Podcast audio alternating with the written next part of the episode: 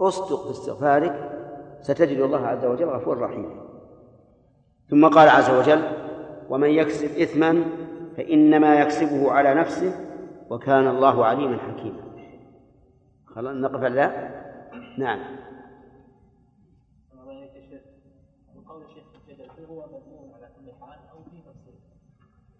الجدل ليس مذموما على كل حال.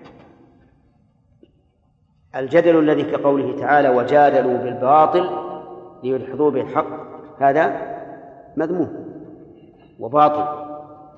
والجدل الذي يراد به إثبات الحق هذا محمود وواجب. قال الله تعالى ادع إلى سبيل ربك بالحكمة والموعظة الحسنة وجادلهم بالتي أحسن. الحديث يا شيخ قول الرسول عليه الصلاة والسلام. نعم. الميراث وإن كان نعم. هذا غير المراءة في الدين. ثم لاحظ أن المراء غير الجدال.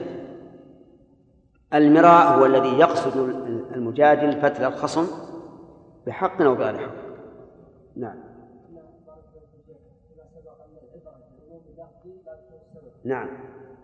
قلنا في تفسير قوله تعالى هؤلاء جاءت عنهم المراد انهم القبيله من العاب الحق هل يمنع الشيخ مالك لأن نقول الآية هنا عامة الأمة كاملة. هذا نهي الأمة أن يجادل يعني يجادل عن الآخرين لا ما يستقيم. هذا ما يستقيم. ها أنتم ها أنتم يشير إلى ناس معينين. ما ما في عموم هنا. ما في عموم بارك الله فيك. ها أنتم هؤلاء جادلتم عن في الحياة الدنيا.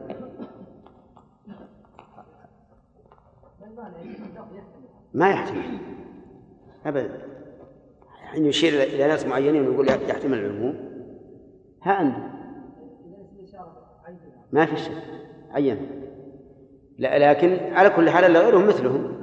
لو أن أحد جادل عن شخص بالباطل نقول له أنت جادلت عنه الآن وربما تنجح لكن من يجادل الله يوم القيامة؟ ولهذا من اقتطع من الأرض شبرا بغير حق طوقه الله من سبع أراضين. نعم.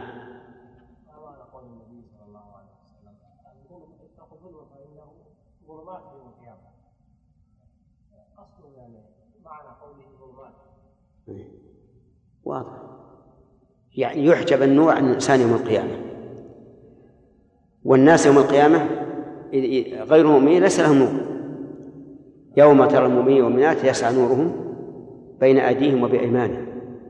فهذا يعاقب بحجب النور عنه يوم القيامة نعم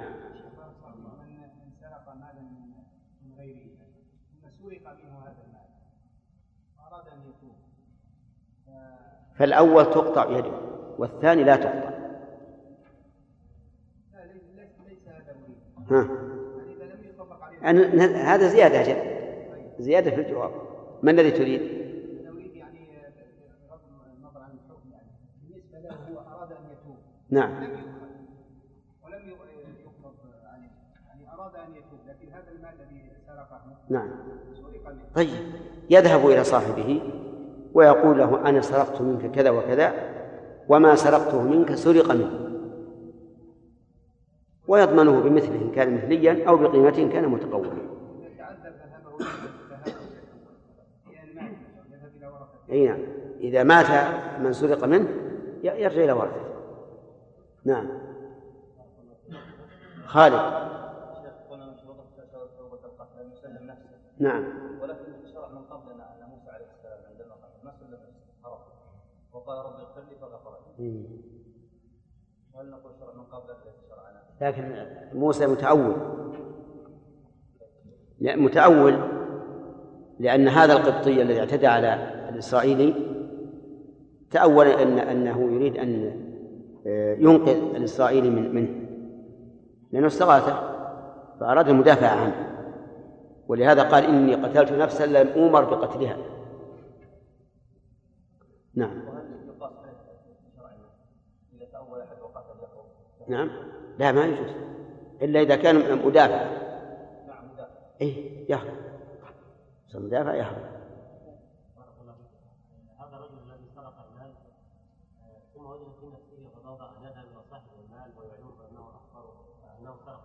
نعم. لا ينفع. لا بد أن يوصل المال لصاحبه إما مباشرة أو بواسطة إنسان. بواسطة إنسان يثق منه. يقول يا فلان أنا سرقت من فلان. وجزاك الله خير خذ أوصلها إلي لا ما, ما يتصرف مال غيره. نعم.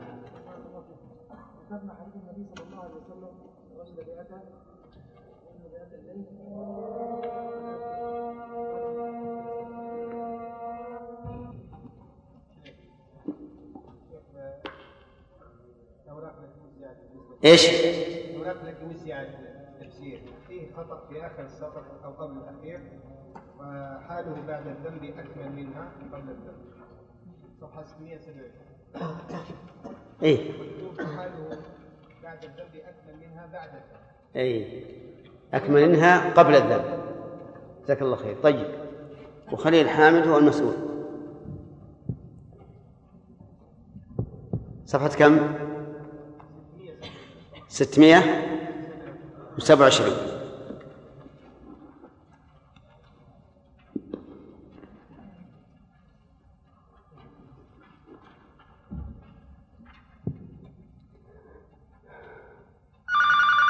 من القارئ؟ يلا. أعوذ بالله من الشيطان الرجيم. نعم. والسلام ورحمة الله. الآن بدأ الدرس.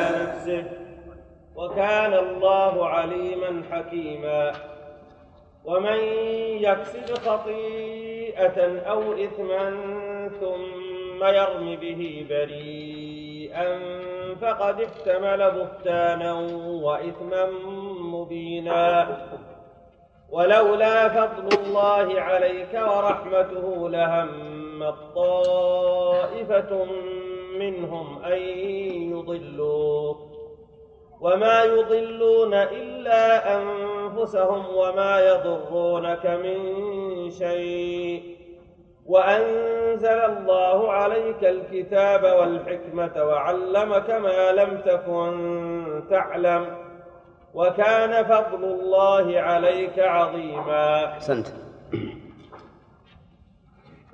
أعوذ بالله من الشيطان الرجيم. قال الله تبارك وتعالى ومن يكسب إثما هذا مبتدأ الدرس الليلة.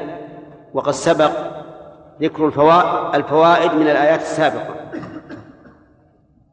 يقول جل وعلا ومن يكسب إثما فإنما يكسبه على نفسه هذه الجملة الشرطية. فعل الشرط فيها يكسب وجواب الشرط فيها فإنما. والسؤال هنا لماذا اقترنت الفاء بالجواب؟ ناصر.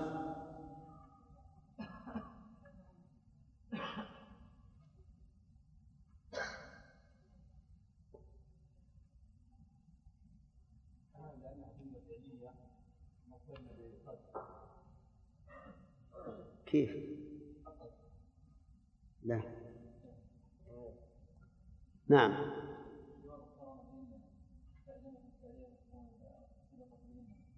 طيب كيف جملة اسمية؟ لكن الجملة الآن اسمية ولا فعلية؟ إن هذه أداة حصر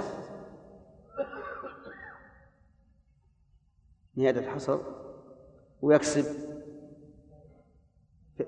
الجواب فعلية نعم عبد الله ها. قل لأنه يعني يعني في الجملة نفي سبق ال- الجواب سبق يعني الفاء بالنفي وين فإنما يكسبه على. لا لا. لأن جملة جواب الشرط إن ما الجواب أن يقال إن هذه تشبه الجملة الاسمية لاقترانها بإنما. وأصل إنما إن حرف توكيد دخلت عليها ماء الكافة فصارت إنما وقوله إنما يكسبه على نفسه يعني لا على غيره وكان الله عليما حكيما. ففي هذه الآية يخبر الله عز وجل أن من اكتسب إثما فإنه لا يضر إلا نفسه. لماذا؟ لأنه يكسبه على نفسه لا على غيره. وقوله إثما نكرة في سياق الشرط. فتعم جميع الآثام الكبائر والصغائر وتعم الآثام المباشرة والآثام السببية لأن الإنسان قد يباشر الإثم بنفسه وقد يكون دالا عليه أو معينا عليه فيكون ذلك إثما. وقوله وكان الله عليما حكيما سبق لنا أن مثل هذا التعبير لا يدل على على الحدوث وأن الله كان عليما حكيما فيما سبق وإنما الفعل هنا مسلوب. إيش؟ الزمان. والمقصود به تحقيق اتصافه بهذا بهذين تحقيق تسميته بهذين الاسمين واتصافه بما دل عليه بما دل عليه. في الآية الكريمة كرر الله عز وجل أن الإنسان إذا كسب إثما فإنما يكسبه على نفسه. لأن هذه الآيات كما مر علينا فيما سبق نزلت في في قصة الرجل الذي سرق درعا ثم رمى به يهوديا. فأرادوا أن يتهموا هذا اليهودي وجاءوا إلى النبي صلى الله عليه وعلى آله وسلم وتبين براءة اليهودي فيقول عز وجل إذا كسب الإنسان إثما فإنما يكسبه على نفسه. فيستفاد من ذلك فوائد. الأولى أن الإنسان إذا كسب الإثم فإنما يكسبه على نفسه ولا يحمله عنه غيره. ويؤكد هذا قوله تعالى ولا تزر وازرة وزر أخرى. فإن قال قائل أليس قد ثبت عن النبي صلى الله عليه وسلم أن من سن في الإسلام سنة سيئة فعليه وزرها ووزر من عمل بها إلى يوم القيامة؟ الجواب بلى. إذا كيف يكون عليه وزر من عمل بها وهو لم يباشر العمل؟ نقول لأنه هو الذي سن هذه البدعة السيئة. ولهذا ما قتلت نفس ظلما إلا كان على ابن آدم الأول منها كفلا. لأنه أول من؟ أول من سن القتل. وعلى هذا فيقال إن الذي سن البدعة واتبع الناس الناس عليها فإن سنه إياها من عمله. ومن فوائد الآية الكريمة أن الله تعالى لا يظلم أحدا فيحمل غيره إثمه إلا بحق. وقد سبق مرارا أن من ظلم الناس فإن الناس يأخذون من حسناته حتى تفنى ثم يؤخذ من سيئاتهم فيطرح عليه ويطرح في النار.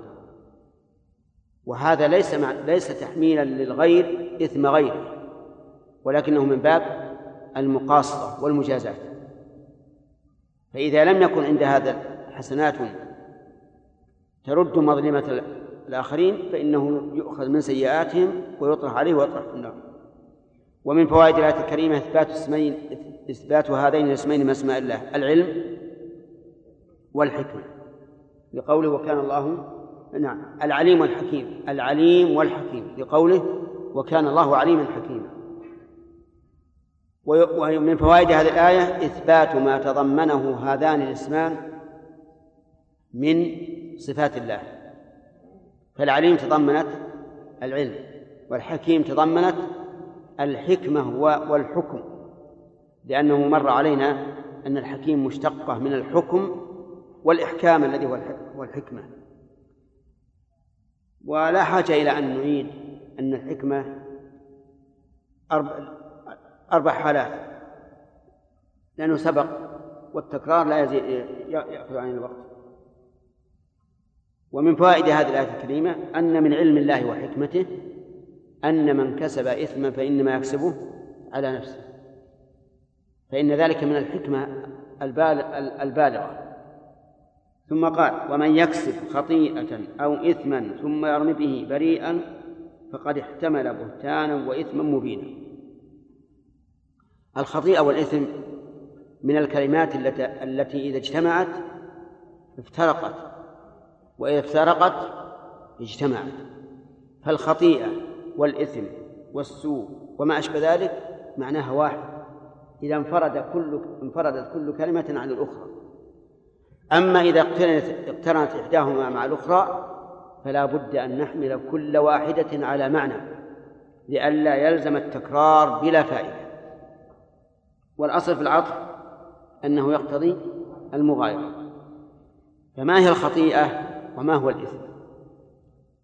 قال بعض العلماء الخطيئة ما ارتكبه الإنسان عن غير قصد والإثم ما ارتكبه عن قصد. وفي هذا نظر. وذلك لأن الخطيئة المرتكبة عن غير قصد قد رفع الله عنها الحرج والإثم. فلا تكون فلا تكون فلا تكون خطيئة. وأجيب عن ذلك بأنه لا مانع أن يكسب خطيئة ويكون هناك ويكون هناك مانع من العقوبة عليها. وإلا فالأصل أن من فعل الخطيئة عوقب عليها. لكن هناك مانع وهو عفو الله عز وجل. وقيل الخطيئة ما تعدى إلى الغير والإثم ما كان خاصا بالإنسان وقيل بالعكس. كل هذه الأقوال دفعا لوجود التكرار في الآية وقول ثم يرمي به بريئا. الفعل لا يمكن أن يدخله الكسر. فلماذا دخل فلماذا كان هذا الفعل مكسورا؟ خالد طيب وهذا؟ هذا مجزوم بإيش؟ بحذف حرف العلة وهي الياء. ثم يرمي به بريئا أي بريئا مما من هذا الإثم وذلك كرمي هؤلاء الفئة لليهود بأنه هو السارق فقد احتمل بهتانا أي كذبا وإثما مبينا أي عقوبة بينة. فكلمة مبين بمعنى بينة لأن المبين يأتي بمعنى البين ويأتي بمعنى المبين للشيء. إذ أن أبان وبان يستعمل لازما كما يستعمل أبان متعديا. فتقال فتقول مثلا أبا أبا أبان لي الحجة. وهذا متعدي ويقال أبان الفجر أي ظهر وهذا لازم. وعليه كلمة مبين بمعنى بين. طيب. قوله احتمل بهتانا لأنه كذب على الغير. وإثما مبينا لأنه جمع بين الخطيئة أو الإثم وبين رمي غيره بها. فجمع بين سيئتين. ولهذا كان إثما مبينا. في الآية الكريمة تحريم رمي الغير بما فعل الإنسان من خطيئة. وجه ذلك قوله فقد احتمل بهتانا وإثما مبينا فإن رمى الغير بخطيئة أو إثم لم تنسب إليه من قبل. فهل يكون داخلا في ذلك؟ يعني أن رجلا اتهم شخصا بعمل خطيئة أو إثم وقال إنه عمل الخطيئة أو الإثم هل نقول إنه احتمل بهتانا وإثما مبينا؟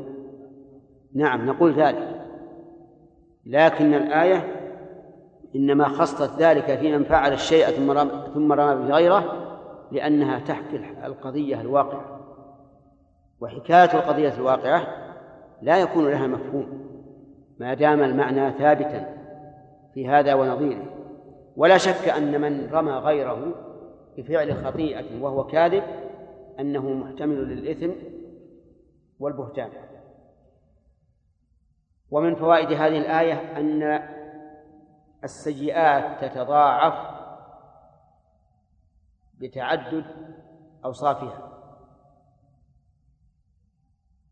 بقوله بهتانا وإثما مبينا وهذا هو الواقع وهو العدل. أرأيت من قذف قريبا له ومن قذف أجنبيا منه. كلاهما قذف. لكن انضم إلى قذف القريب إيش؟ قطيعة الرحم. فتكون فتكون هذه السيئة متضاعفة. فلا جرم أن يتضاعف إثمها. لأن الأحكام مرتبة على أوصافها. وكذلك أيضا من تصدق على بعيد وتصدق على قريب ففعله كله صدقة لكن صدقته على البعيد صدقة فقط وعلى القريب صدقة وصلة فلا فالأعمال السيئة تتضاعف بتضاعف الأوصاف. وكذلك الأعمال الصالحة تتضاعف بتضاعف الأوصاف.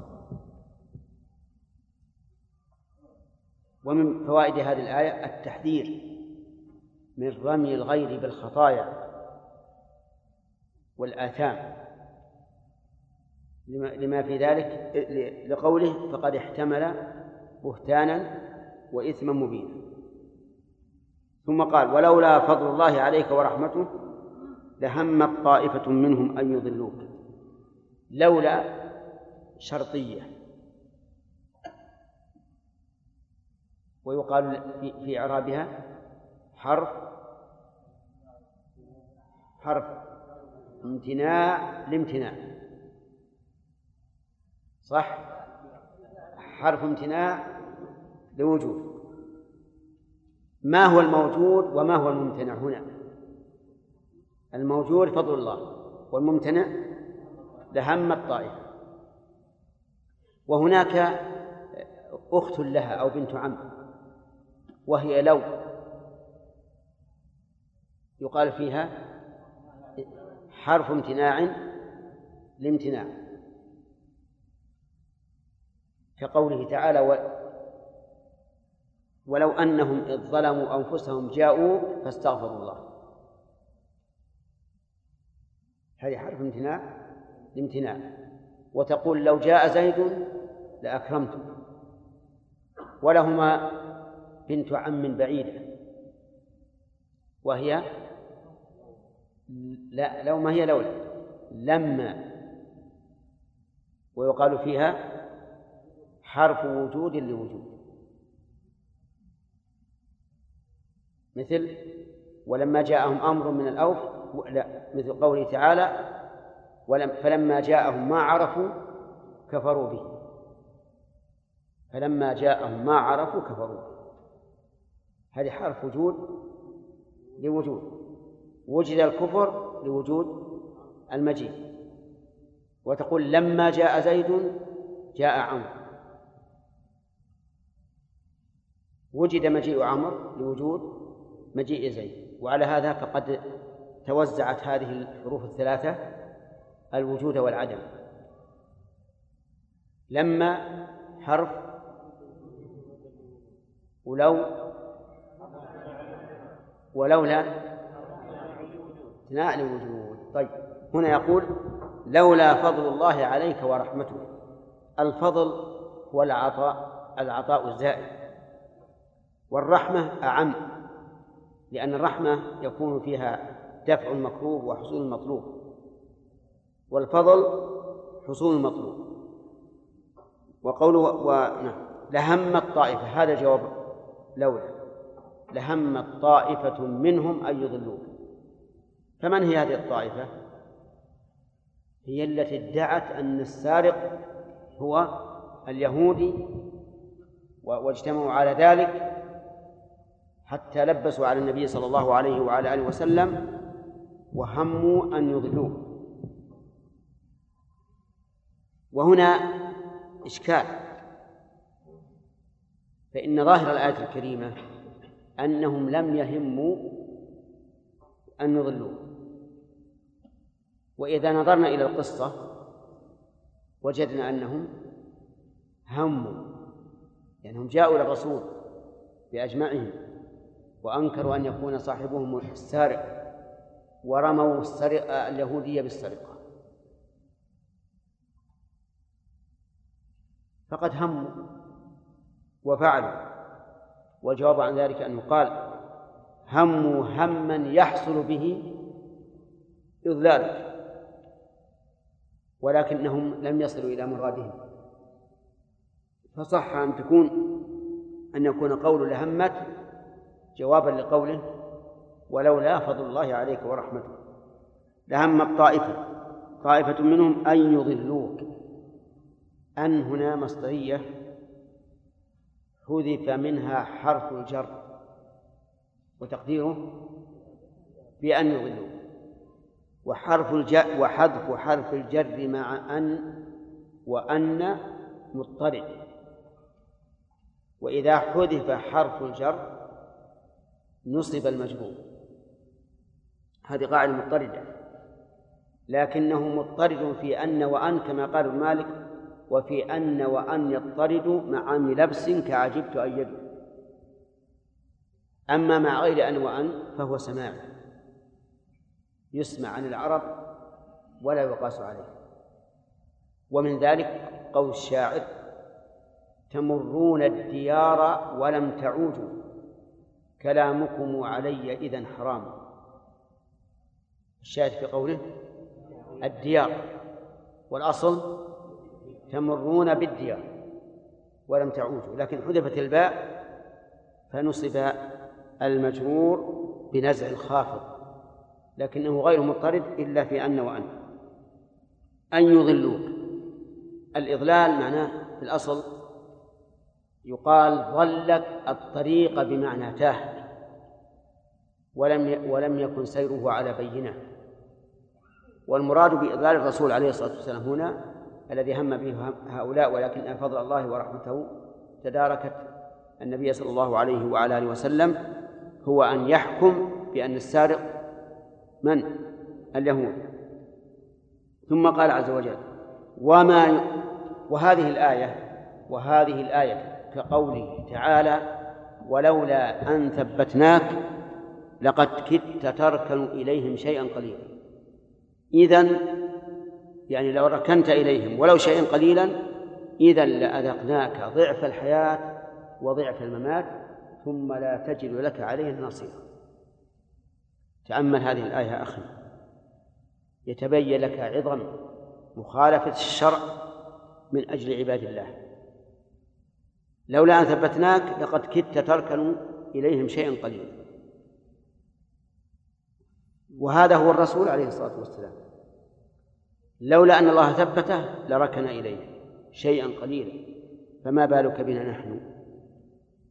فالواجب على الإنسان أن يتنبه لمثل هذه الآية وأن يسأل الله دائما الثبات على أن لا تأخذه في الله لومة لائم. ولو ولو فعل لأذاقه الله ضعف الحياة وضعف الممات لأن ذنب الرسول عليه الصلاة والسلام ليس كذنب غيره. يقول وما يضلون إلا أنفسهم. يعني أنهم بتحايلهم واتهامهم للغير وإرادتهم أن يضل الرسول عليه الصلاة والسلام.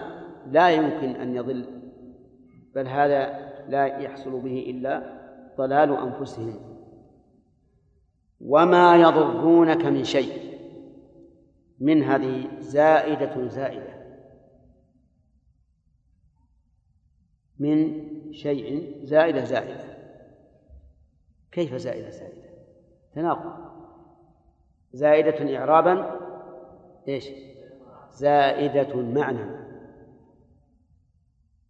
طيب زائدة الأولى هل هي من من الفعل اللازم أو من الفعل المتعدي؟ انتبه. زائدة زائدة. الأول من اللازم أو من المتعدي؟ من اللازم. طيب. الثاني؟ من المتعدي. لأن المعنى زائدة هي بنفسها. زائدة معنى أي زادت المعنى. واضح؟ طيب. كيف؟ إيه زائدة إعرابا زائدة معنى لكن إذا نقول زائدة إعرابا هل هي الفعل زاد متعدي أو لازم؟ لا مو إعرابا زاد. هذه زائدة يعني بنفسها. واضح؟ هذه زائدة للمعنى فهي متعدية. قال الله تعالى والذين اهتدوا زادهم هدى. وأتاهم تقوى تكون متعدية. وتكون لازمة على كل حال من شيء هذه من زائدة إعرابا إيش؟ وزائدة وزائدة للمعنى. فما هو الزيادة الإعراب؟ هو أنه لو حذفت لاستقام الكلام. لو قال لو كان في غير القرآن وقيل وما يضرونك شيئا. نعم صح الكلام. وهي زائدة من حيث المعنى يعني تزيد في المعنى لأن الحروف الزائدة من أدوات التوكيد فهي تؤكد المعنى. ولهذا نقول إن شيئا هنا نكرة في سياق النفي فتفيد العموم فإذا دخلت عليها من كانت نصا في العموم كلا النافية للجنس وما يضرونك من شيء. يعني لا يمكن أن يضروك بأي شيء من الأشياء لأن الله سبحانه وتعالى قد من عليك بفضله ورحمته. وأنزل الله عليك الكتاب والحكمة. الكتاب هو القرآن. والحكمة قيل في معناها وجهان. الوجه الأول أن المراد بذلك أسرار الشريعة أي أسرار أحكامها فإن شريعة الرسول عليه الصلاة والسلام كلها مشتملة على أسرار وحكم عظيمة. وقيل وهو الوجه الثاني المراد بالحكمة السنة. فالله أنزل عليك القرآن والسنة. والمعنى يعني لا يتنافيان في الواقع. فالرسول عليه الصلاة والسلام أنزل الله عليه الكتاب وأنزل عليه السنة وكذلك الكتاب والسنة كلاهما مشتمل على أحكام وحكم بالغة قد تنالها العقول وقد لا تنالها. وعلمك ما لم تكن تعلم. نعم. علم الله نبيه ما لم يكن يعلم. قال الله تعالى وما كنت تتلو من قبله من كتاب ولا تخطه بيمينه وقال تعالى وكذلك أوحينا إليك روحا من أمرنا. ما كنت تدري ما الكتاب ولا الإيمان. وهذا لا ينقص النبي صلى الله عليه وسلم شيئا بل بل يزيده دلالة على أنه رسول الله حقا فمن أين جاءه هذا العلم؟ من الله عز وجل ولهذا وصف الله محمدا صلى الله عليه وسلم بأنه أمي وصف ثناء لا وصف قدح لأن كونه أميا ثم يأتي بهذا الكتاب العظيم الذي أعجز البشر يدل على أنه إيش؟ على أنه رسول الله حقا. وأنزل الله عليك وعلمك ما, لك ما لم تكن تعلم وكان فضل الله عليك عظيما. هذا كالتوكيد لقوله ولولا فضل الله عليك ورحمته وما ظنك بوصف الفضل بالعظم من العظيم الذي لا أعظم منه. سيكون هذا العظم عظيما بالغا جدا. لأن وصف العظيم للشيء بالعظيم يدل على إيش؟ على عظمته الكبيرة ولهذا تجد الفقير مثلا يستعظم أن يكون عنده ألف ريال. والغني ها؟ يستصغرها ولا يراها شيئا فوصفه بالعظم وهو من عند الله الذي هو أعظم كل شيء يدل على عظم الفضل الذي أوتيه الرسول صلوات الله وسلامه عليه. في هذه الآية الكريمة فوائد كثيرة. منها بيان فضل فضل الرسول عليه فضل الله على رسوله. ومنها إثبات الرحمة الخاصة. فإن قوله ورحمته رحمة خاصة لا تك لم تكن لغير الرسول صلى الله عليه وعلى آله وسلم. والرحمة نوعان عامة وخاصة. فالعامة هي لتشمل جميع العباد ومنها يا خالد. اللي سألته أنا. نعم. ومنها.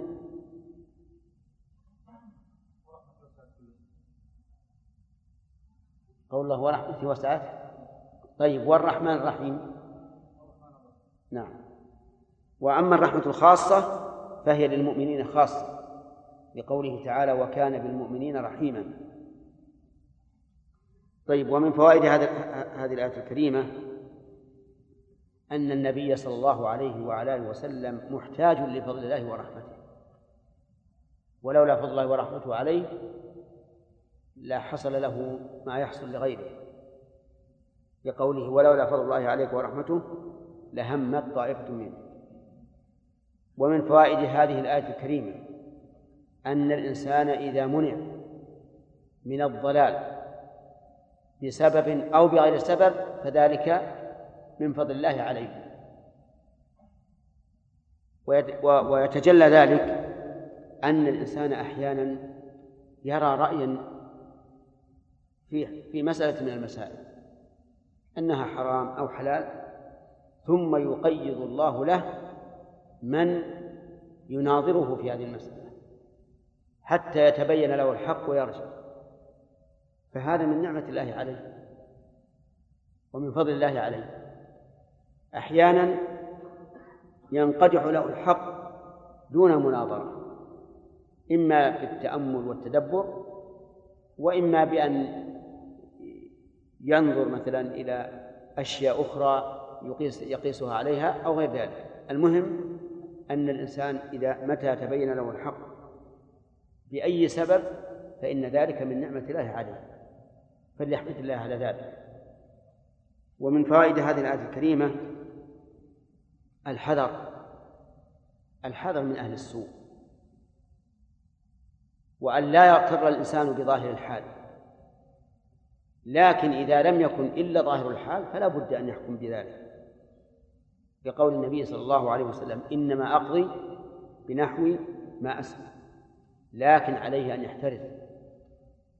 فإن الإنسان قد يغر غيره بحاله بقوله لهمت طائفة منهم أن يضلوك. ومن فوائد الآية الكريمة أن من أراد إضلال الخلق فإنه لا يضر إلا نفسه. لقوله وما وما يضلون إلا أنفسهم. لأنهم عموا في الواقع عن الحق ودعوا الناس إلى الباطل فاكتسبوا إثما إلى آثامهم فأضلوا أنفسهم بذلك. ومن فوائد هذه الآية الكريمة عصمة الرسول صلى الله عليه وسلم من ضرر هؤلاء أو من إضرار هؤلاء بقوله وما يضرون وما يضرونك من شيء. ومن فوائدها أن القرآن الكريم منزل من عند الله بقوله وأنزل الله عليك الكتاب والحكمة. ومن فوائدها إثبات علو الله بقوله أنزل والنزول يكون من من أعلى. وعلو الله عز وجل نوعان علو معنوي وعلو ذاتي.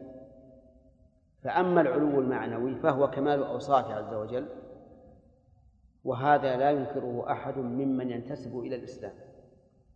كل من ينتسب إلى الإسلام يقر بعلو الله عز وجل علوا معنويا. والثاني علو ذاتي وهذا يثبته السلف وأئمة الأمة وينكره الجهمية والمعتزلة والأشاعرة. ينكرون العلو الذاتي. فماذا يقولون؟ انقسموا إلى قسمين. قسم منهم يقول إن الله معنا في كل مكان فليس له مكان أعلى. إن كنا في المسجد فهو معنا إن كنا في البيت فهو معنا في السوق فهو معنا. في أي مكان فهو معنا. ومع فلان وفلان في أي مكان. ولا شك أن هذا ضلال مبين.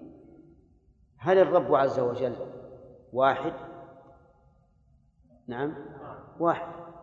كيف يكون ذاتيا في كل مكان؟ هذا إما أن يلزم منه إما التعدد وإما التجزؤ. إما التعدد أو التجزؤ. ويلزم منها أيضا أن يكون الله حالا في الأمكنة وهو, وهو أعظم من كل شيء السماوات.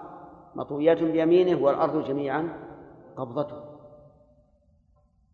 وأما الآخرون فقالوا إن الله تعالى لا يوصف بأنه فوق العالم ولا تحت العالم ولا يمين العالم ولا شمال العالم ولا متصل بالعالم ولا منفصل عن العالم. وين يروح؟ نعم. عدم. ولهذا قال محمود بن سبكتكين رحمه الله لمحمد بن فورق لما وصف الله عز وجل بهذه الصفة قال فرق لنا بين الرب الذي تعبده وبين الرب المعدوم. هذا هو العدم. ولو قيل للإنسان صف العدم بأبلغ من هذا الوصف ما وجد إلى ذلك سبيلا. أما أهل الحق فقالوا إن الله تعالى بذاته فوق كل شيء. ولا يمكن أن يكون في كل مكان ولا يمكن أن نصف أن نصفه بالعدم كما وصفه هؤلاء. ومن فوائد الآية الكريمة أن القرآن كلام الله. وجهه أن الله قال أنزل الله عليك الكتاب. ومعلوم أن القرآن كلام. والكلام صفة المتكلم فإذا كان فإذا كان النزول فإذا كان الإنزال دالا على علو المنزل كان ذلك دليلا على أن القرآن كلام الله. لأن القرآن وصف لا يمكن أن يقوم بذاته فلزم أن يكون كلام الله عز وجل.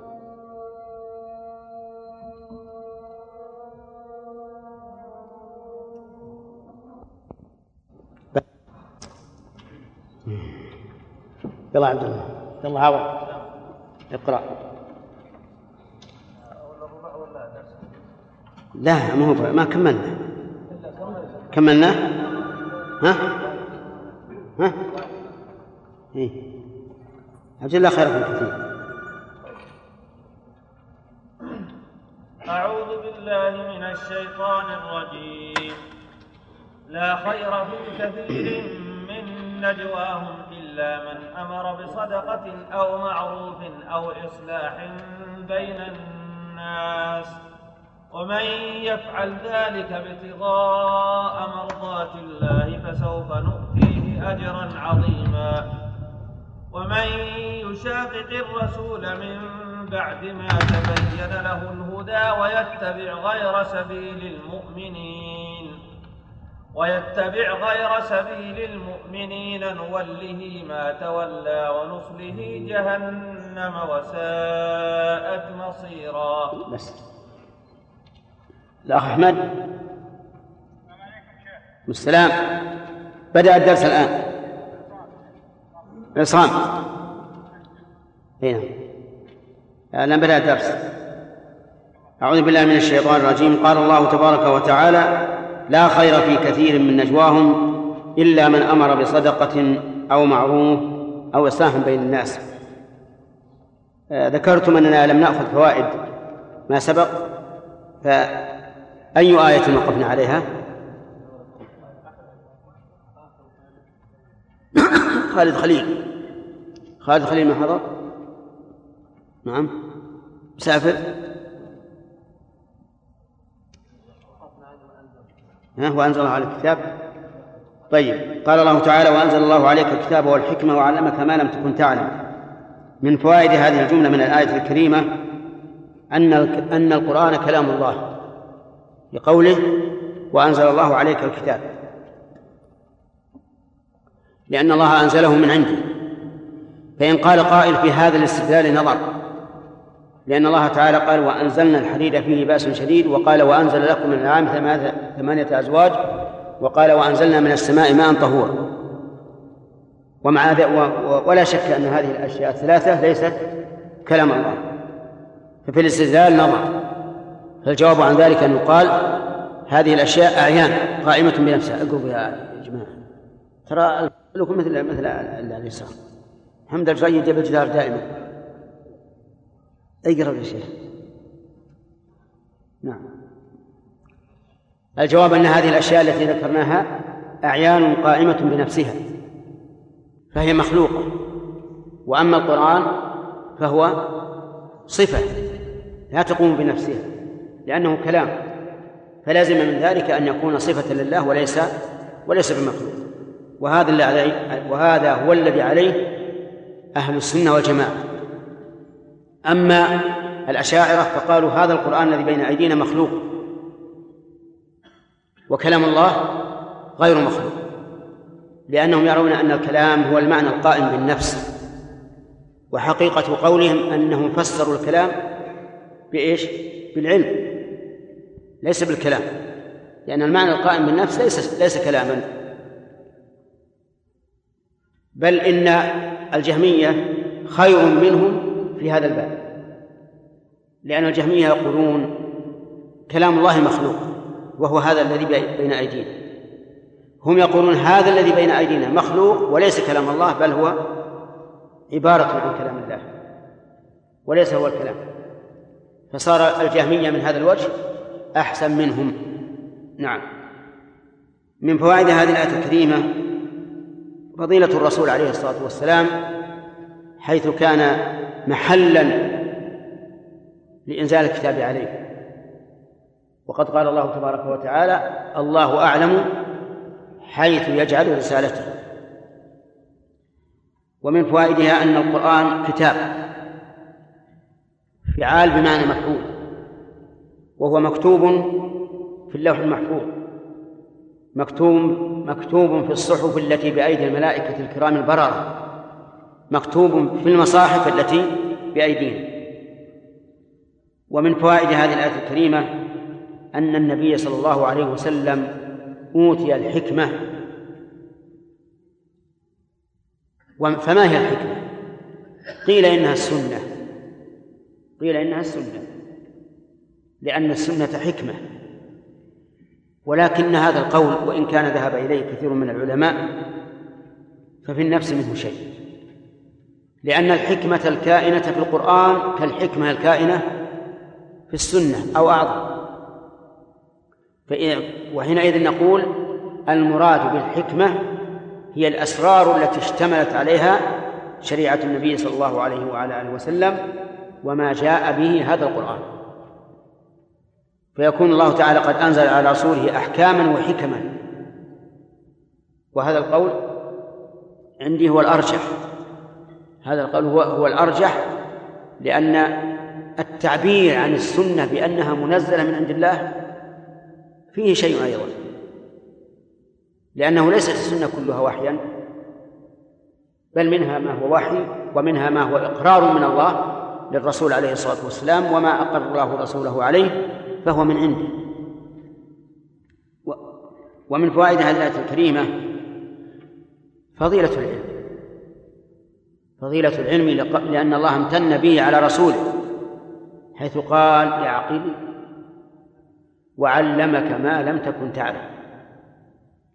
ولا شك أن العلم أشرف ما يعطاه الإنسان بعد الإسلام فهو خير من المال وخير من الأولاد وخير من الأزواج وخير من الدنيا كلها. انظر إلى العلماء الذين نور علمهم بين أيدينا اليوم وانظر إلى من في زمنهم من الملوك والسرات والوجهاء والأعيان وغير ذلك أين ذكرهم؟ ذهب. لكن العلماء بقي ذكرهم وصاروا يدرسون الناس وهم في قبورهم. وهذه فضيلة عظيمة للعلم. فما أعطي الإنسان بعد الإسلام خيرا من العلم. والعجب أن العلم كما قال القائل يزيد بكثرة الإنفاق منه وينقص إن به كفا شلت كلما علمت ازداد علمك وكلما أمسكت العلم نقص علمه المال بالعكس لولا أن الله ينزل البركة في من لمن تصدق حتى لا تنقصه الصدقة لا لا لا لانتهى المال عن قرب. ومن ومن فوائد هذه الآية الكريمة أن رسول الله صلى الله عليه وعلى آله وسلم لا يعلم إلا من عند الله. لا علم له بشيء إلا من عند الله. لقوله وعلمك ما لم تكن تعلم فإن قال قائل هذا يقتضي أن الرسول صلى الله عليه وعلى آله وسلم كان جاهلا من قبل وهذا تنقص له. قلنا كلا. ليس تنقصا بل هو كمال له لأن إعطاءه الكمال بعد النقص في هذا في هذا الباب يعتبر كمالا. ولا شك أن الرسول عليه الصلاة والسلام قبل أن ينزل عليه الكتاب لا شك أنه لا علم عنده. لقول الله تبارك وتعالى وما كنت تتلو من قبله من كتاب ولا تخطه بيمينك. ولقوله تعالى وكذلك أوحينا إليك روحا من أمرنا أتم. ما كنت تدري ما الكتاب ولا الإيمان. لولا أن الله تعالى من عليه بالعلم نسأل الله أن يمن علينا وعليكم بالعلم النافع. وعلمك ما لم تكن تعلم. من أي شيء علمه ما لم يكن يعلم؟ طبعا ليس ليس من كل شيء. حتى الآية لا تدل على أنه علمه كل شيء. علمه ما لم يكن يعلمه من قبل جائز أن يكون ألف مسألة أو مليون مسألة أو كم؟ عشر مسألة. إنه قال علمك ما لم تكن تعلم ولم يقل علمك كل شيء. وبهذا نرد على أولئك الكاذبين الذين يقولون إن الرسول صلى الله عليه وعلى آله وسلم يعلم يعلم الغيب. نقول كذبتم رب العرش. ما يعلم الغيب وإذا كان إذا انخنس عنه بعض أصحابه لا يدري أين ذهبوا وهم في مكان واحد. فكيف تقولون إنه يعلم الغيب؟ وإذا كان يدخل بيته ولا يدري ما في البيت يقول هل عندكم شيء؟ وإذا قال لا ليس عندنا شيء قال ألم, ألم أرى البرمة على النار؟ وهو لا يدري فلعله ماء يفوح. فالنبي عليه الصلاة والسلام لا يعلم الغيب أبدا. وقد قال الله تعالى في كتابه العظيم كلمة عامة. قال عالم الغيب فلا يظهر على غيبه أحدا إلا إلا من ارتضى من رسول فإنه يسلك من بين يديه ومن خلفه رسول.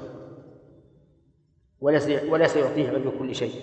حتى الساعة جاء جبريل يقول للرسول متى الساعة؟ ماذا قال؟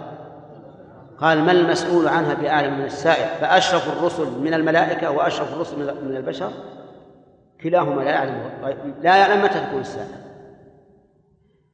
ومن فوائد هذه الآية الكريمة بيان فضل الله على رسوله صلى الله عليه وسلم وعظمه لقوله وكان فضل الله عليك عظيما وربما يتفرع من هذه الفائدة أن أعظم فضل يتفضل الله به على العبد هو العلم ولا شك في هذا.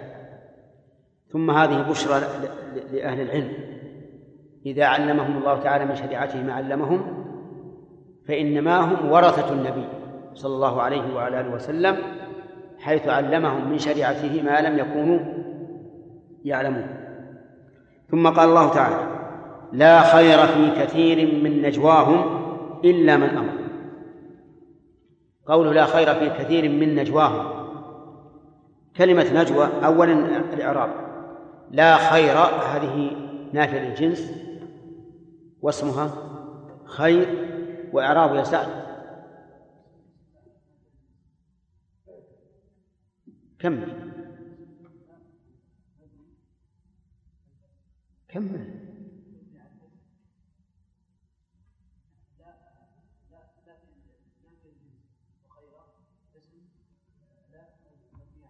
اسم لا مبني على الفتح. في محل. ها؟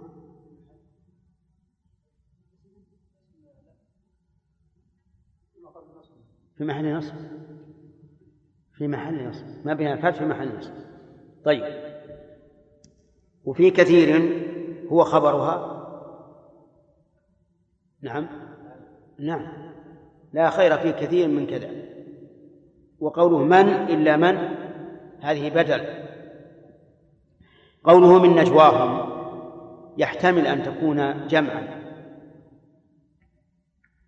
كقوله تعالى ما يكون من نجوى ثلاثة فنجوى هنا بمعنى متناجين. ما يكون من نجوى ثلاثة أي ما يكون من نجوى متنا... ما يكون من متناجين ثلاثة إلا هو رابعهم ويحتمل أن تكون مصدرا. وعلى هذا فيكون المعنى لا خير في كثير من مناجاة من تجا من تناجوا. هذا من حيث الإعراب أما من حيث المعنى فهو واحد لا يختلف. والمعنى أن كثيرا مما يتناجى به هؤلاء لا خير فيه. والقليل فيه الخير. وقوله إلا من أمر من؟ هل تحتاج إلى تقدير مضاف؟ فنقول التقدير إلا نجوى من؟ أو لا تحتاج. نقول هذا مبني على كلمة نجواهم. إن قلنا إنها مصدر احتاجت إلى التقدير. يعني إلا نجوى من؟ وإن قلنا نجوى بمعنى متناجين فمن هنا لا تحتاج إلى التقدير لأن المعنى لا خير في كثير من المتناجين إلا من أمر. إلا من أمر ففيهم الخير. وقول إلا نعم. ما هي النجوى؟ سواء قلنا إنها بمعنى متناجين أو إنها مصدر فالنجوى هي الكلام الذي يسره الإنسان إلى جليسه. هذه النجوى. وسيأتي إن شاء الله بيان حكمها. إلا من أمر بصدقة. يعني إلا نجوى من أمر هذا إن قلنا النجوى الأولى يا محمد مصدر.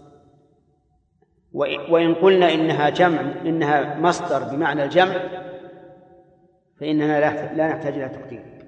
يعني إلا الذي أمر بصدقة أو معروف أو إصلاح بين الناس.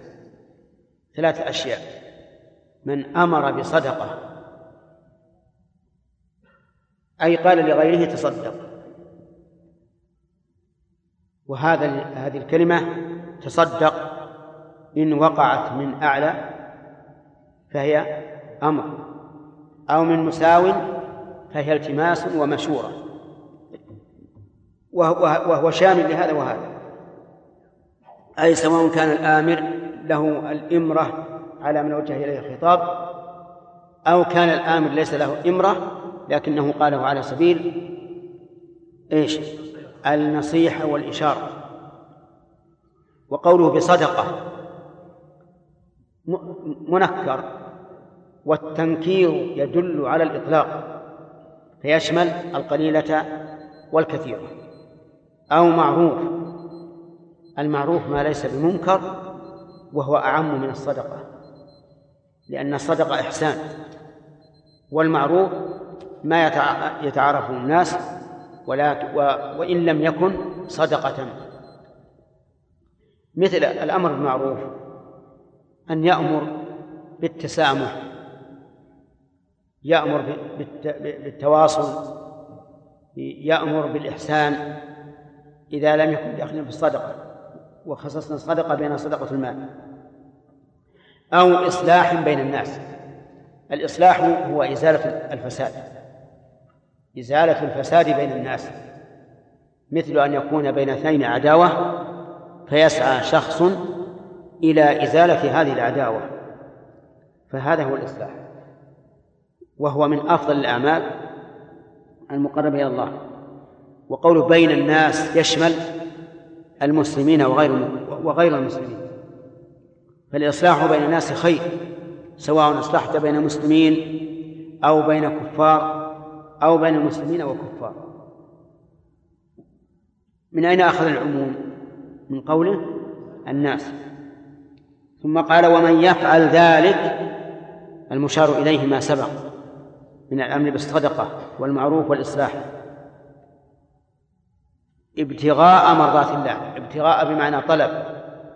مرضات الله أي طلب أن يرضى الله عنه فسوف نؤتيه أجرا عظيما.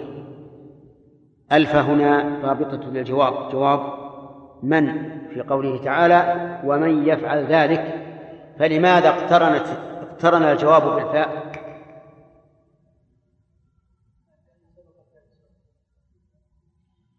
لأنه اقترن الجواب بسوف. هل لك أن تعطينا بيتا يتضمن ذلك؟ أي ما ما يجب ربطه ربطه ربطه بالباء أقول هل يمكن أن تعطينا بيتا يتضمن ما يجب ربط الجواب فيه بالفاء؟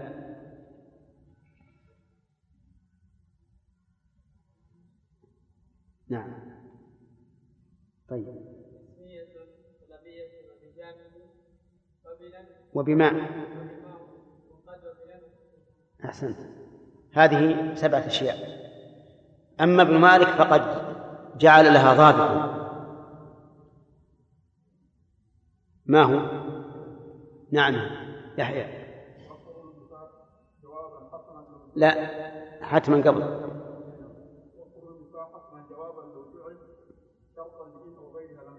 أحسنت. وقر وقر بفاء حتما جوابا لو جعل شرطا لإن أو غيرها لم ينجعل. يعني ما لا يصح أن يلي إن وجب أن يقرن بالفاء. وهذا ضابط وما أشار إليه أخونا في البيت فهو تفصيل. تفصيل.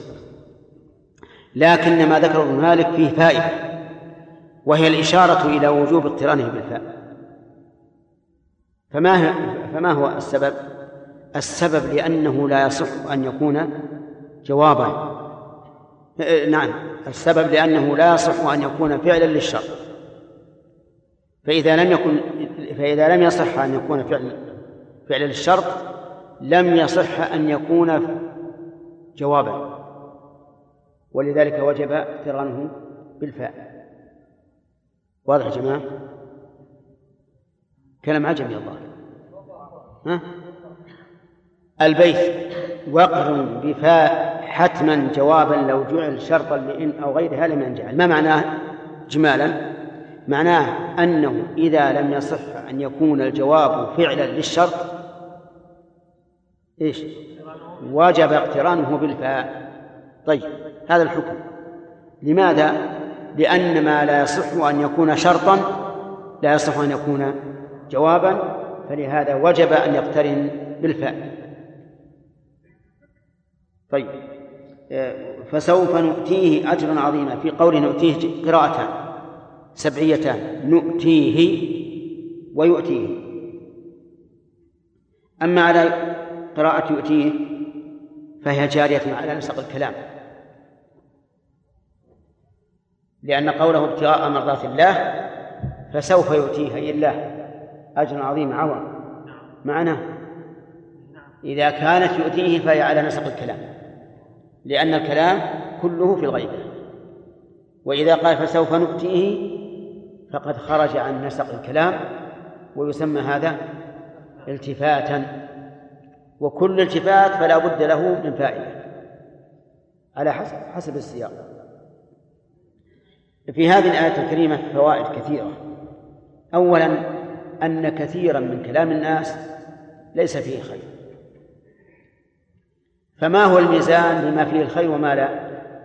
الميزان ذكره النبي صلى الله عليه وعلى وسلم في قوله من كان يؤمن بالله واليوم الآخر فليقل خيرا أو ليصمت.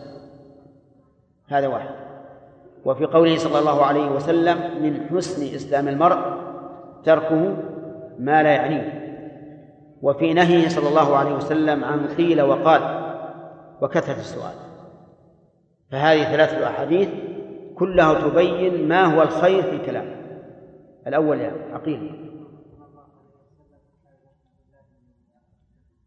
والثاني محمد خزرج. الثاني قوله هذا اللي قلنا؟ الثاني الثاني يا أخوان. هذا الثاني؟ طيب الثالث. يحيى؟ نعم. نهى عن قيل وقال وكثرة السؤال. نعم. ومن فوائد هذه الآية الكريمة فضيلة الصدقة.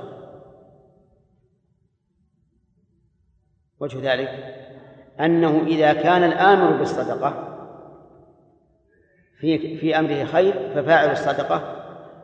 نعم. من باب أولى لا شك.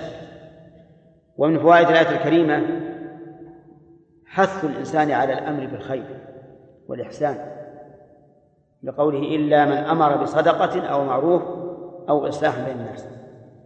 ومن فوائد الآية الكريمة فضيلة الأمر بالإصلاح بين الناس.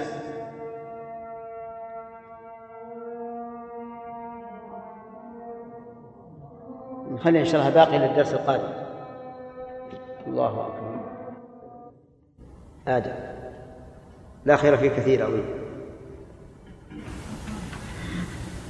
أعوذ بالله من الشيطان الرجيم. لا خير في كثير من نجواهم إلا من أمر بصدقة أو معروف أو إصلاح بين الناس. ومن يفعل ذلك ابتغاء مرضات الله فسوف نؤتيه أجرا عظيما. ومن يشاقق الرسول من بعد ما تبين له الهدى ويتبع غير سبيل المؤمنين ويتبع غير سبيل المؤمنين نوله ما تولى ونصله جهنم وساءت مصيرا. بس. أعوذ بالله من الشيطان الرجيم. قال الله تبارك وتعالى لا خير في كثير من نجواهم إلا من أمر.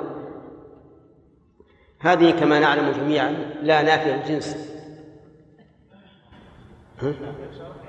شرحناها كلها؟ ها؟ طيب. نناقش فيها. إذا نناقش فيها. قوله تعالى لا خير في كثير من نجواهم إلا من أمر بصدقة أو معروف إلى آخره. ما المراد بالنجوى في قوله من نجواهم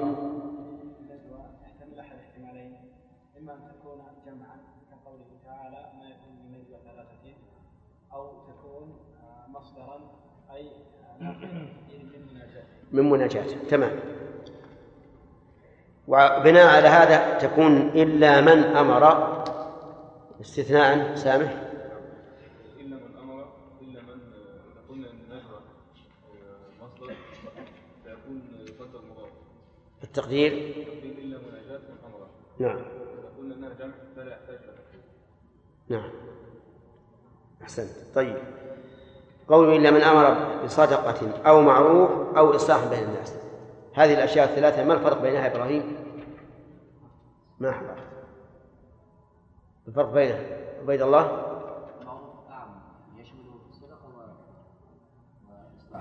نعم.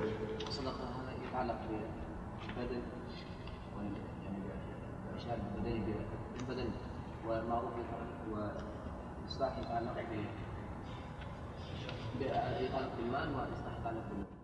ما الذي يتعلق بالمال؟ الصدقة طيب المعروف أعم من كونه بالمال أو بالعمل. أو إصلاح بين الناس. نعم.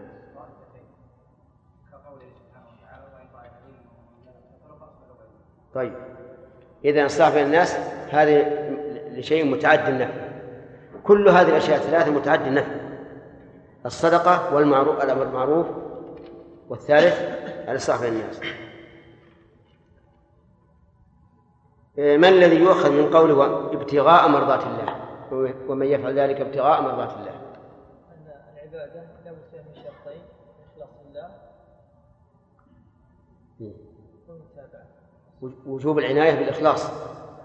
وأنها بدون إخلاص لا خير فيها حتى وإن نعم. وأنها بغير إخلاص لا, لا يترتب عليها أجر كثير وإن كان فيها خير لأنها متعدية لكنه لا لا يحصل فيها الأجر العظيم. أخذنا أربع فوائد أظن كما قلتم أنا نسيت. ما هي؟ الأولى أن كثيرا من كلام الناس ليس فيه خير. الثانية فضيلة الصدقة. الثالثة حث الناس على الأمر بالصدقة الرابعة فضيلة الأمر بالإصلاح بين الناس. إيش؟ فضيلة الأمر بالإصلاح بين الناس. نعم. طيب بسم الله الرحمن الرحيم. الخامس من فوائد الآية الكريمة أيضا فضيلة الأمر بالمعروف حيث قرنه الله تعالى بالأمر بالصدقة. في قوله إلا من أمر بصدقة. فما هو المعروف؟ المعروف كل ما عرفه الشرع وأقره. كل ما عرفه الشرع وأقره فهو معروف. وكل ما أنكره ونهى عنه فهو منكر. ومن فوائد هذه الآية الكريمة بيان أن هذه الأمور الثلاثة فيها خير وإن فعلها الإنسان بغير قصد ابتغاء وجه الله. وجهه أن الله تعالى لما نفى الخير في كثير من النجوى استثنى هذه الثلاثة ثم قال ومن يفعل ذلك ابتغاء مرات الله فسوف نؤتيه أجرا عظيما ومن فوائد هذه الآية الكريمة أنه يصح إطلاق الفعل على القول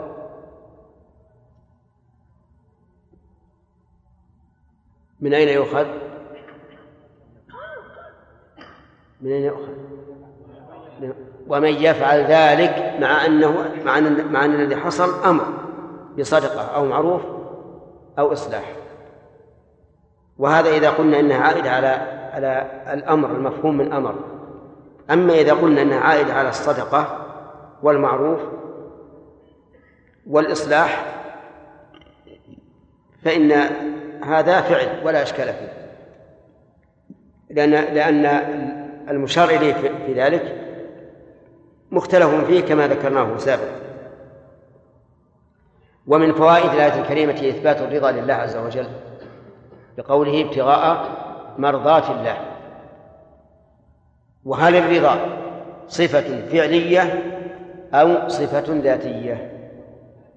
يقال إنها فعلية لأن كل صفة تتعلق بمشيئة الله إن شاء فعلها وإن شاء لم يفعلها فهي صفة فعلية هذا الضابط.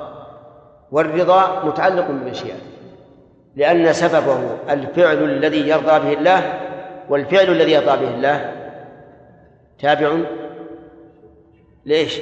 لمشيئة الله لأنه من فعل العبد وفعل العبد كائن بمشيئة الله إذن فالرضا من الصفات الفعلية وليعلم أن الصفات الفعلية كلها باعتبار الجنس صفات ذاتية لكن أنواعها وأفرادها هي التي تحدث. أما أصلها وهو الفعل فهو صفة إيش؟ ذاتية. الدليل أن الله تعالى لم يزل ولا يزال فعالا. لم يزل ولا يزال فعالا. لكن المتجدد هو أنواع الفعل أو آحاد الفعل.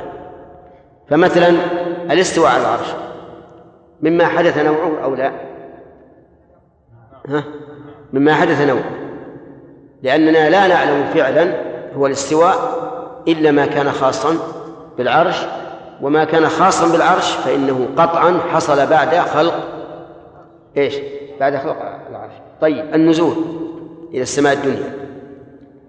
هو أيضا حادث النوع وحادث الآحاد أيضا لأن الله ينزل كل ليلة. الاستواء على العرش مطلق عام.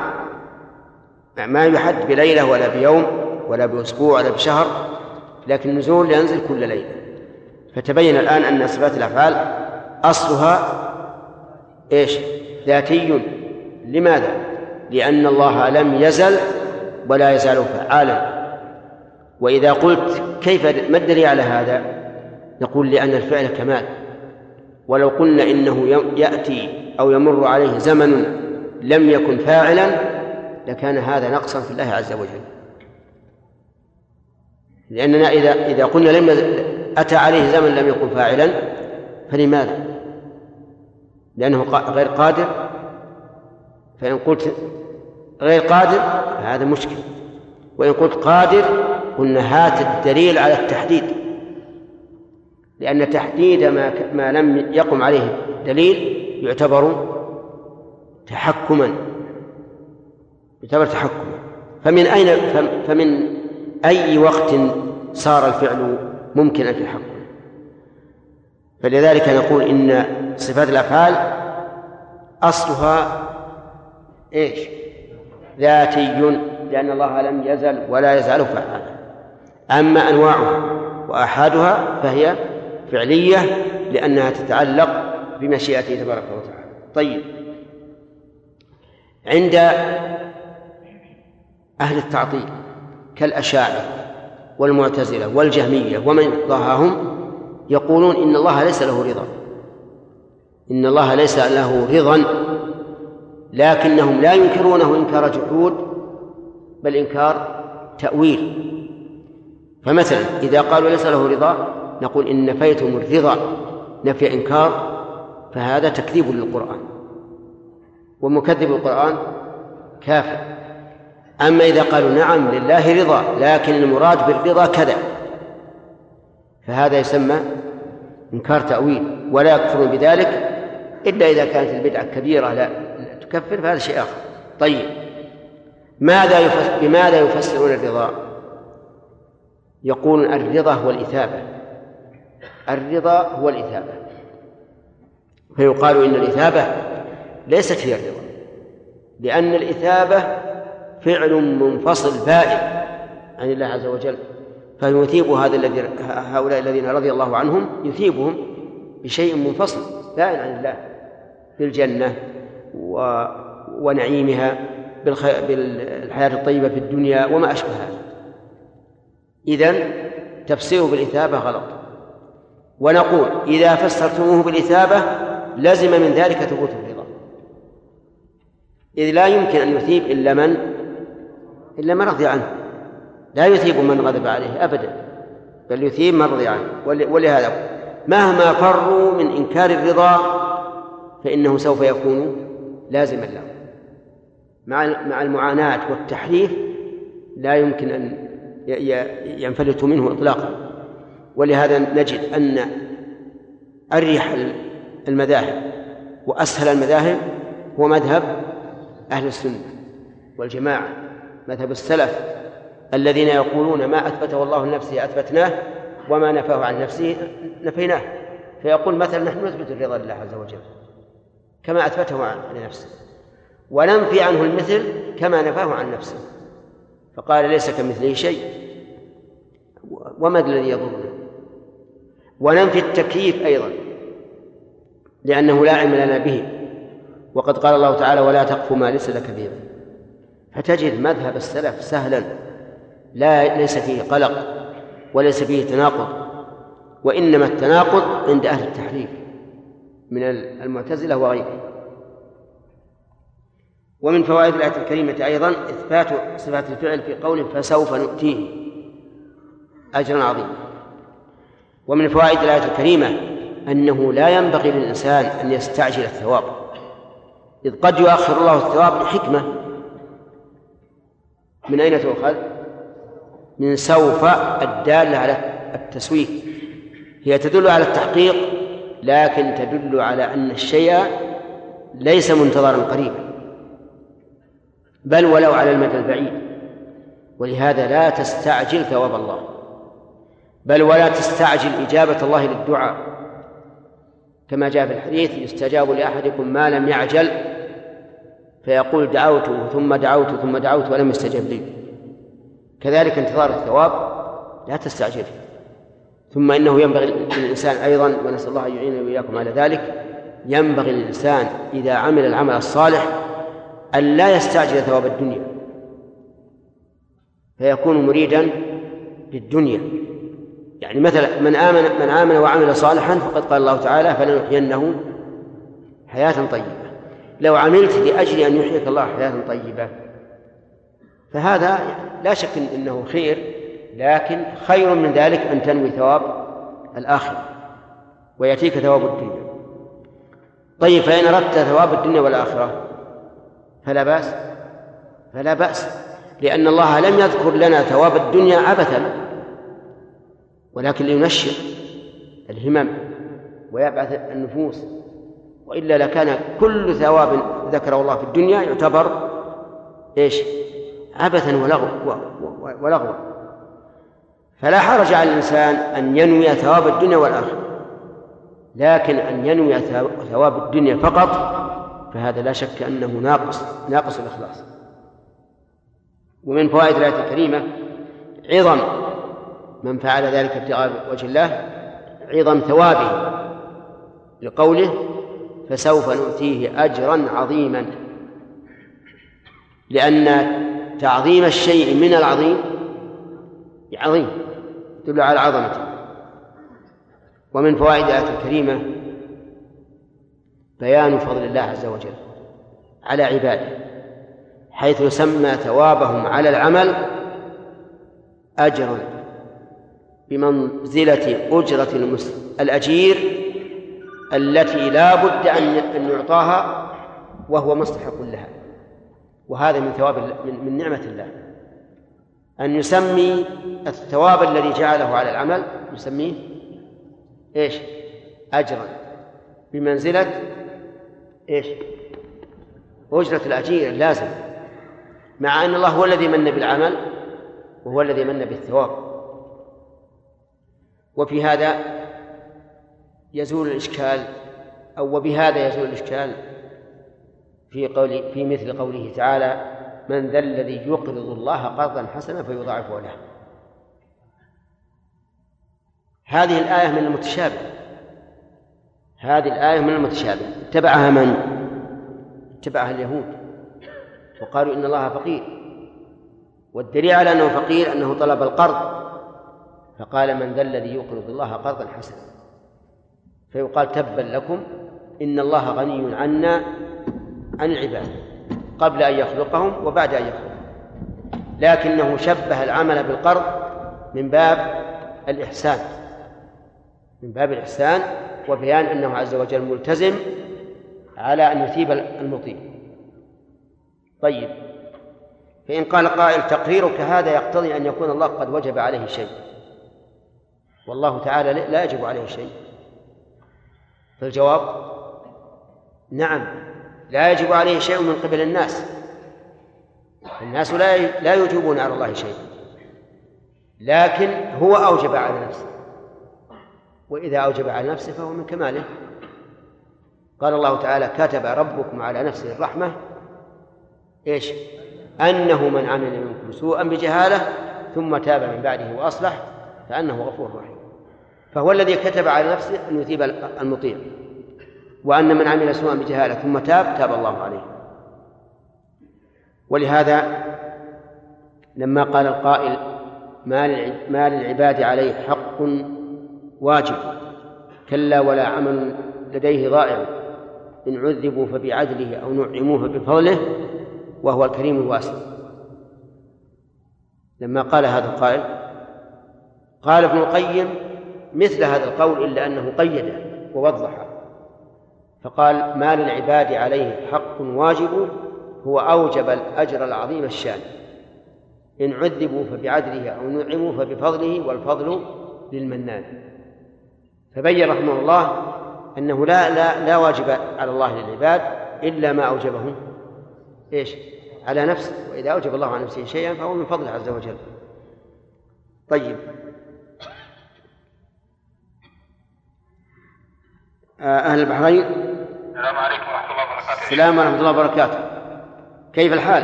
خير يا شيخنا عساك طيب إن شاء الله. طيبون؟ خير الحمد لله. اللهم لك الحمد. كيف حالكم يا شيخنا؟ نحمد الله بخير. الله أن يطول في عمركم في طاعته. آمين. تقبل الله منا ومنكم. آمين منا وأعاده أعاده علينا وعليكم وعلى المسلمين بالخير. آمين. بارك الله فيكم. نحن الآن قد بدأنا بالدرس. أنتم تأخرتوا اليوم. أي نعم نعم.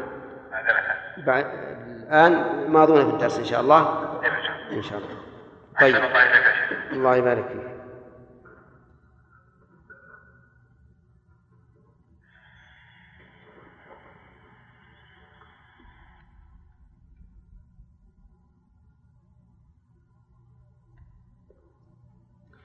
يقول الله عز وجل ومن يشاقق الرسول. هذا مبتدأ الدرس اليوم. ومن يشاقق الرسول من بعد ما تبين له الهدى ويتبع غير سبيل المؤمنين نوله ما تولى ونصله جهنم وساءت مصيره. من؟ هذه شرطية وليست موصولة لأن الفعل بعدها مجزوم فهي فهي شرطية. وفك وفك الإدغام وفك الإدغام هنا جائز ولو أدغم لقيل ومن يشاق الرسول. ومن يشاقق الرسول ال هنا للعهد. أي العهود الذهني فالمراد به الرسول الذي أرسل لهذه الأمة وهو محمد صلى الله عليه وسلم. من بعد متعلق بيشاقق يعني وجد وجدت مشاقته من بعد ما تبين له الهدى. أي تبين له الحق وظهر. والهدى العلم الذي جاء به النبي صلى الله عليه وعلى آله وسلم. ومن المعلوم أن النبي صلى الله عليه وسلم بعث بالهدى ودين الحق. فالهدى هو العلم النافع ودين الحق هو العمل الصالح. ويتبع غير سبيل المؤمنين معطوف على يشاقق يعني يجمع بين الأمرين مشاقة الرسول واتباع غير سبيل المؤمنين. وما معنى المشاقة؟ المشاقة معناها أن يكون في شق غير شق الرسول عليه الصلاة والسلام. فمأخوذة من الشق وليست من المشقة. وقول غير سبيل المؤمنين يمكن أن نجعل غير صفة لموصوف صفة لموصوف محذوف أي ويتبع إيش؟ سبيلا غير سبيل المؤمنين. ويمكن أن نجعلها مفعولا به بدون أن نقدر آه، موصوفا. وسبيل المؤمنين هي طريقهم. ومن المعلوم أن المؤمنين ليس لهم طريق إلى الله إلا إلا بشرعه نوله هذا جواب الشرط. نوله ما تولى. يعني نتخلى عنه. ونجعل أمره إلى ما تولاه كقوله صلى الله عليه وسلم ومن كانت هجرته إلى الله ورسوله نعم ومن كانت هجرته لدنيا يصيبها أو امرأة يتزوجها فهجرته إلى ما هاجر إليه. ومعنى نوليه ما تولى ان نتركه فلا نتولاه ونقول لك ما توليت ومن تعلق شيئا وكل إليه. ونصله جهنم. أي ندخله جهنم حتى أصلاها وصليها أي احتراقه بها.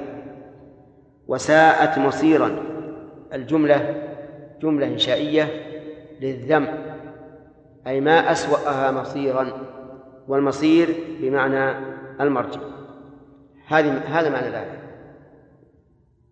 فهذه الآية فيها التهديد والوعيد على من شاق الرسول عليه الصلاة والسلام واتبع غير سبيل المؤمنين بأن الله تعالى يعاقبه على ذلك بعقوبتين. العقوبة الأولى إيش؟ أن الله يوليه ما تولى ويتخلى عنه. والعقوبة الثانية أن الله يصليه جهنم. وجهنم هي اسم من أسماء النار. فنستفيد من هذا من هذا الحديث أولا من هذه الآية. نستفيد من هذه الآية أولا تحريم مشاقة الرسول وأنها من كبائر الذنوب. وجهه